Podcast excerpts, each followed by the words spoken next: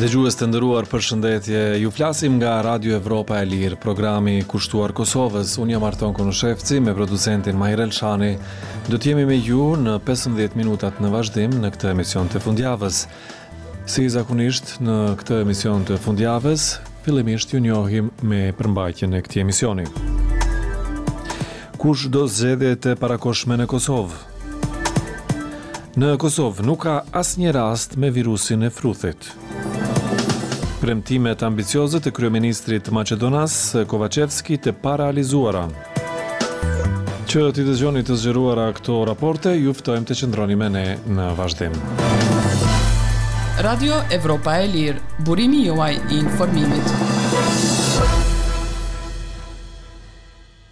Mundësia që Kosova të shkojë në zgjedhje të parakohshme parlamentare është bërë temë e cila po diskutohet nga të gjitha partitë politike. Partia në pushtet, Lëvizja Vetëvendosje ende nuk ka ndonjë qëndrim zyrtar ndonëse zyrtarët e saj kanë përmendur mundësinë e zgjedhjeve të parakohshme. Përfaqësues të opozitës, por edhe njohës të zhvillimeve politike, vlerësojnë se vetë pushteti do ta dërgojë vendin në zgjedhje për shkak të presionit ndërkombëtar për formimin e Asociacionit të Komunave me Shumicë Serbe. Vijon kronika e Bekim Bislimit. Gati çdokush flet për mundësinë e zgjedhjeve të parakohshme në Kosovë, madje edhe prej partisë në pushtet, por zyrtarisht, askush nuk e thotë se përse vendi do të duhej të shkonte në një proces të ri zgjedhjesh pak muaj para përfundimit të mandatit të qeverisë. Me këtë pyetje, Radio Evropa e Lirë i është drejtuar qeverisë së udhëhequr nga Albin Kurti, por nuk mori përgjigje. Anëtarë të partisë së Kurtit, Lëvizjes Vetëvendosje, Kanë thënë në disa raste se është mirë që të shkohet në zgjedhje të parakohshme. Kështu ka thënë edhe kryetari i Kuvendit, Glauk Konjufca. Nëse qeveria mendon se duhet të shkojë deri në fund të mandatit, kush jam unë që t'i përzihem asaj? ka thënë kryetari i Kuvendit, Glauk Konjufca në një intervistë për televizionin Klan Kosova në fund të muajit të kaluar. Megjithatë, sipas tij është mirë që të shkohet në zgjedhje të parakohshme, në mënyrë që legjitimiteti i pushtetit të ri, Të përballet me sfida, jo sfidat ta orientojnë karakterin e legjitimitetit. Në favor të zgjedhjeve të parakohshme ai është shprehur edhe përmes një deklarate dhënë mediave në Kosovë javën e kaluar. Fitore Pacolli, deputete e Lëvizjes Vetëvendosje, thotë se brenda partisë, për opsionin e zgjedhjeve të parakohshme nuk është folur, por nuk e përjashton mundësinë që të diskutohet në ditët në vijim. Nashta ka me pas edhe ndryshim, po tani për tani nuk ka naj diskutim që u zhvillu mrena kryesisë për zgjedhje të parakohshme. Kryetari i Partisë Demokratike të Kosovës, Memli Krasniqi thotë se Kosova ka nevojë për zgjedhje të parakohshme. Këtë qëndrim, PDK-ja e ka bërë të qartë qysh në korrik të vitit të kaluar sipas tij. Tashmë është evidente që kjo qeveri në këto tri vite qeverisjes së saj dhe i ka sjellur vetëm dëm edhe regres vendit tonë dhe ka dëshmuar pa si totale në secilën fushë. Duke folur për Radion Evropa e Lirë, Krasniqi shfaq shpresën që partitë politike të pajtohen sa më parë për datën e zgjedhjeve të parakohshme. Nënkryetari i Lidhjes Demokratike të Kosovës, Lutfi Haziri, thotë se partia e tij është e gatshme për zgjedhje të parakohshme, por se nuk do t'i kërkojë ato, Sepse pushtetit aktual nuk i ka mbetur edhe shumë kohë deri në fund të mandatit. Megjithatë shton se zgjedhjet e parakohshme mund t'i provokojë vetë qeveria e kryeministrit Kurti, e cila përballet me obligimet që dalin nga dialogu për normalizimin e marrëdhënieve me Serbinë, e posaçërisht me procesin që lidhet me formimin e Asociacionit të komunave me shumicë serbe. Edhe nëse shkon vendi në zgjedhje, obligimet zoti Kurti do t'i mbajë mbi shpatulla.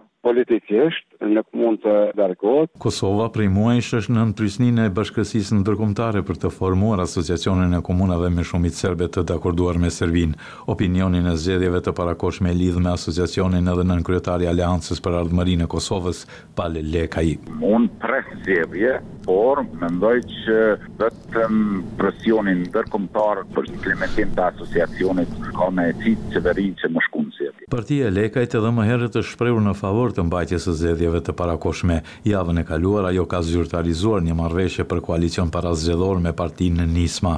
Arton Demhasaj nga organizata joqeveritare Çohu në Prishtinë, thotë se partitë opozitare nuk kanë fuqi numerike për të inicuar shkarkimin e qeverisë e rrjedhimisht as zgjedhje të parakohshme. Ai thotë se për zgjedhjet e parakohshme Shkaktare mund të jetë Qeveria e Kosovës, e cila përballet me presionin ndërkombëtar për veprime konkrete lidhur me Asociacionin. Këtë veprim unë nuk besoj që Qeveria e bën në vitin e fundit të mandatit të saj, sepse kjo do të ishte një goditje e rëndë politike për veten e saj. Prandaj mendoj që partia që është në pushtet Vetëvendosja me shumë gjasë po kërkon zgjedhje para se me ardhë tek. Ky veprimi i Asociacionit që me marrë edhe një mandat e pastaj në mandatin e dytë me vepru edhe me shku drejt implementimit të marrëveshjes që flasim për Asociacionin e Komunave me Shumicë Serbe. Artan Muhaxhiri, sociolog dhe njohës i zhvillimeve politike në Kosovë, thotë se Vetëvendosjes dhe kryeministrit Kurti mund t'u konvenojnë zgjedhjet e parakohshme për ta legjitimuar sërish pushtetin. Zgjedhjet e reja kanë kuptim vetëm nëse Kosova do t'i përshpejtojë hapat drejt pranimit të Asociacionit, drejt funksionalizimit të tij, që është kërkesa kryesore edhe e Shteteve të Bashkuara të Amerikës edhe BE-së. Në të kundërtën, nuk ka ndonjë kuptim as fitorja absolute e Lëvizjes Vetëvendosje. Kurti vazhdimisht ka insistuar se nuk mund të ketë asociacion njëetnik në Kosovë që do të kishte kompetenca të gjera ekzekutive. Ai ka marrë shkurtimisht pushtetin në vitin dy mijë e njëzet, ndërsa një vit më vonë, në mars të vitit dy mijë e njëzet e një, është rikthyer në krye të qeverisë.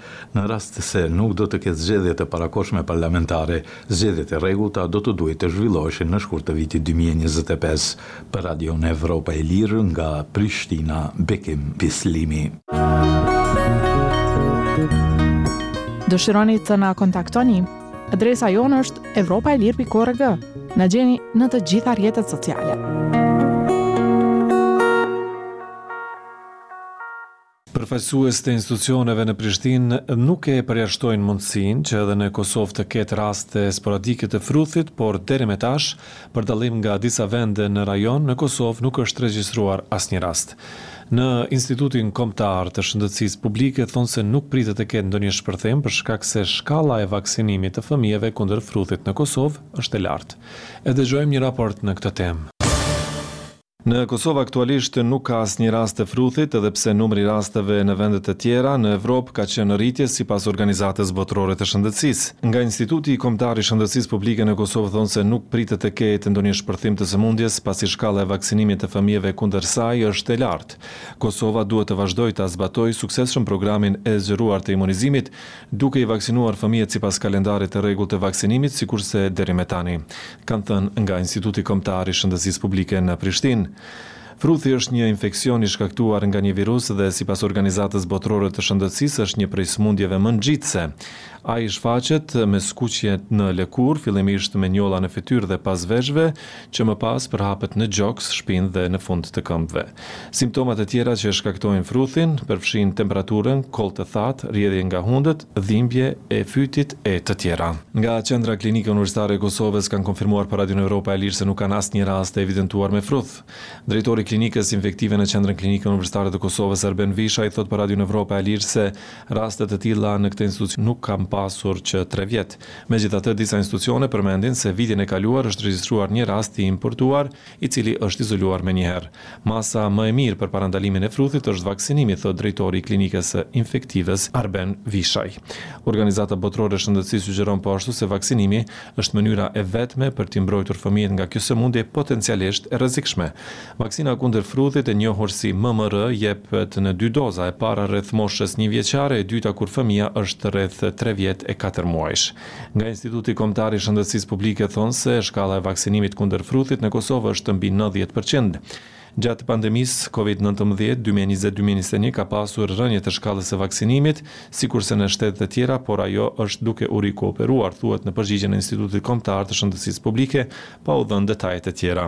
Në Prishtinë, sipas të dhënave të Qendrës Kryesore të Vaksinimit, shkalla e vaksinimit në vitin dy mijë e njëzet e dy ka qenë shtatëdhjetë e gjashtë për qind, ndërsa në vitin dy mijë e njëzet e tre ka qenë tetëdhjetë e shtatë për qind. Doktoresha Florina Grezda, e cila punon në këtë qendër, thotë se interesimi i prindërve për t'i vaksinuar fëmijët e tyre është i kënaqshëm. Ndoshta ka raste sporadike kështu, disa, që që pak hezitojnë, mirëpo me një edukim të mirë shëndetësor, tu i spjegu efektin e vakcinës, Edhe jo efektet e padëshirueshme të cilat kanë dyshu prindërit ose kanë dëgju dikund, ne kemi arrit domethënë që me i bind edhe unë mendoj që jemi mirë sa i përket vaksinimit. Në opinion kanë qarkulluar teoritë se vaksina MMR mund të shkaktojë sëmundjen e autizmit, por institute të ndryshme ndërkombëtare bazuar në studimet e veta konfirmojnë se këto teori nuk qëndrojnë. Elektra Abazi, nënë e një fëmije të moshës dy vjet e gjysmë thotë se teoritë e tilla kanë ndikuar që ajo të shtyjë vaksinimin e fëmijës. E kam pas një një dyshim të vogël, si mund ta them, në momentin që djali në fakt që para një vjeçit ka nis me fol shumë mirë e ka kundërvepruar shumë mirë, po unë vetë si nënë kam pas pak atë merakun sa t'ia kalojë pak këtë fazën, kështu, kështu që po edhe kështu që E kam vendosur që dhe sigurisht që do e bëj. Nga të dhënat që ka arritur t'i sigurojë Radio Evropa e Lirë, për vendet e tjera të rajonit, Shqipëria ka njëmbëdhjetë raste me fruth, Bosnjë e Hercegovina tri, Mali i Zi dhe Serbia nuk kanë asnjë rast. Organizata Botërore e Shëndetësisë tha se rastet e fundit në Evropë vitin e kaluar kanë shënuar rritje alarmante për gati dyzet e pesë fish. Sipas Organizatës Botërore të Shëndetësisë rreth dyzet e dy mijë e dyqind njerëz janë infektuar në vitin dy mijë e njëzet e tre, krahasuar me nëntëqind e dyzet e një gjatë vitit dy mijë e njëzet e dy. Organizata Botërore e Shëndetësisë beson se situata është rezultat i më pak fëmijëve të vaksinuar kundër sëmundjes gjatë pandemisë Covid nëntëmbëdhjetë. Të gjitha vendeve në rajonin evropian iu kërkua t'i zbulojnë dhe t'i përgjigjen shpejt rasteve të fruthit, si dhe të vaksinojnë sa më shumë njerëz. Për Radion Evropa e Lirë nga Prishtina, Arton Konushevci. Në vazhdim, kronika nga rajoni.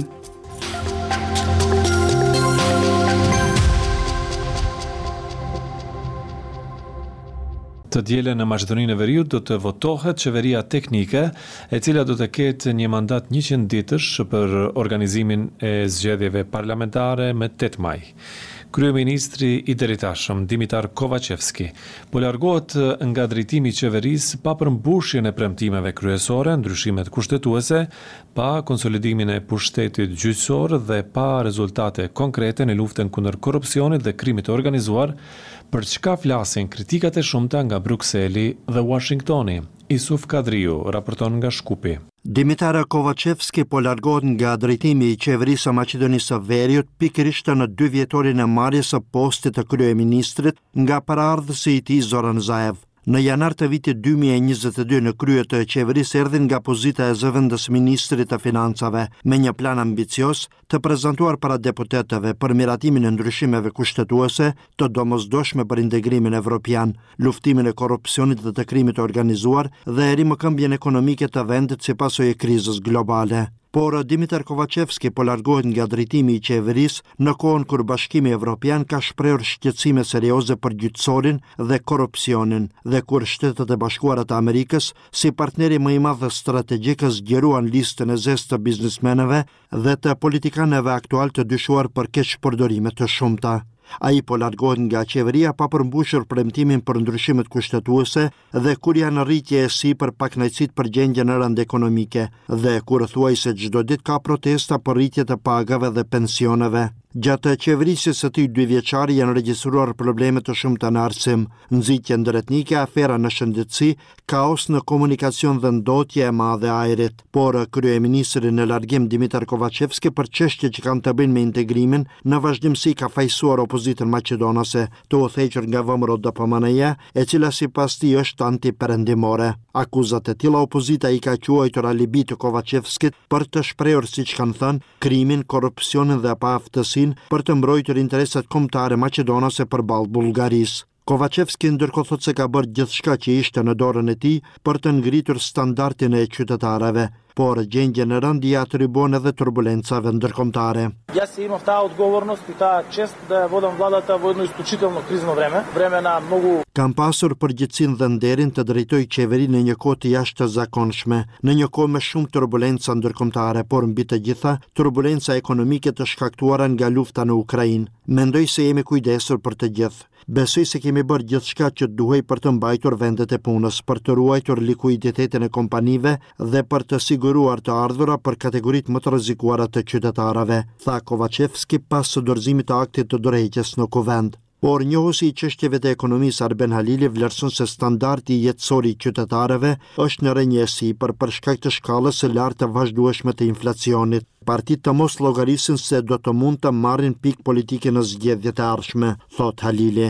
Ndërkohë njohësit e çështjeve juridike si dështimin më të madh të kësaj qeverie e konsiderojnë gjyqësorin, respektivisht ndryshimet në Kodin Penal që liruan nga gjykimi dhe ndjekja penale shumë ish-zyrtarë të korruptuar, por edhe zyrtarë të pushtetit aktual. Për Radion Evropa e Lira nga Shkupi Isuf Kadriu.